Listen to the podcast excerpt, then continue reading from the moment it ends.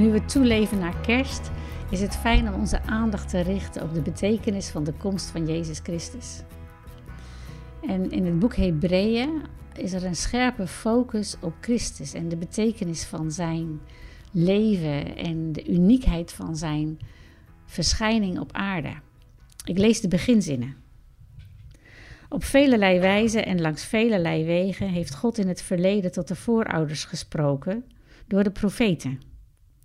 Maar nu de tijd ten einde loopt, heeft Hij tot ons gesproken door Zijn Zoon, die Hij heeft aangewezen als enig erfgenaam en door wie Hij de wereld heeft geschapen. In Hem schittert Gods luister. Hij is Zijn evenbeeld.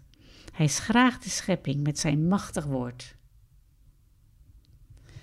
Nou, in deze beginzinnen wordt Jezus aan ons gepresenteerd in zijn superioriteit over elk mens en elk religieus systeem in het universum.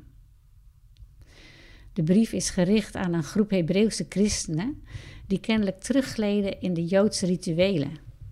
Ze waren bang dat ze te veel oude ceremonies en gebruiken zouden verliezen. Daar hadden ze houvast aan. Maar de schrijver laat zien dat ze in Christus veel meer ontvangen dan ze loslaten. De relatie met Jezus is alles waar het om draait. We lazen net een simpel maar helder statement. Dat God tot de mensheid heeft gesproken door Jezus Christus. En op een manier die zoveel groter en duidelijker is dan alles wat door de profeten in het Oude Testament gezegd is. Hun boodschap kon je nooit helemaal begrijpen. In het Nieuwe Testament echter, en dan met name in de Evangelie, hoor je een nieuwe stem die alle oude als het ware verzamelt en tot een geheel maakt.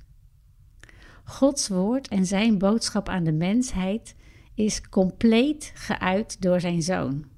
In hem, zei iemand, spreekt God zonder te stotteren.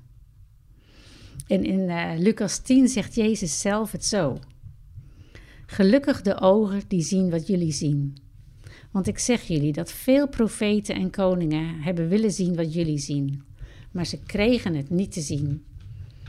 En ze hebben willen horen wat jullie horen, maar ze kregen het niet te horen. Laat dat eens tot je doordringen. Eeuwenlang hebben mensen die dicht bij God leefden, de openbaring gekregen dat er meer zou komen. Maar wat dat was, was niet voor hun. En dan staat er in 1 Petrus 1 dat hij al voor de grondlegging van de wereld door God is uitgekozen, Jezus Christus. En dat Hij nu verschenen is omwille van ons. En dat zelfs engelen graag in deze geheimen zouden doordringen. Dat gaat echt over de diepe dingen van het leven. De komst van Jezus Christus op aarde is het grote kantelpunt in de geschiedenis. En Heer, wij danken U dat we met verbazing, met ontzag, met verwondering mogen stilstaan bij het grote wonder dat Jezus is gekomen. Dat Hij uit de hemel is neergedaald om onder ons te wonen en Immanuel te zijn. God met ons. Dank u wel. Amen.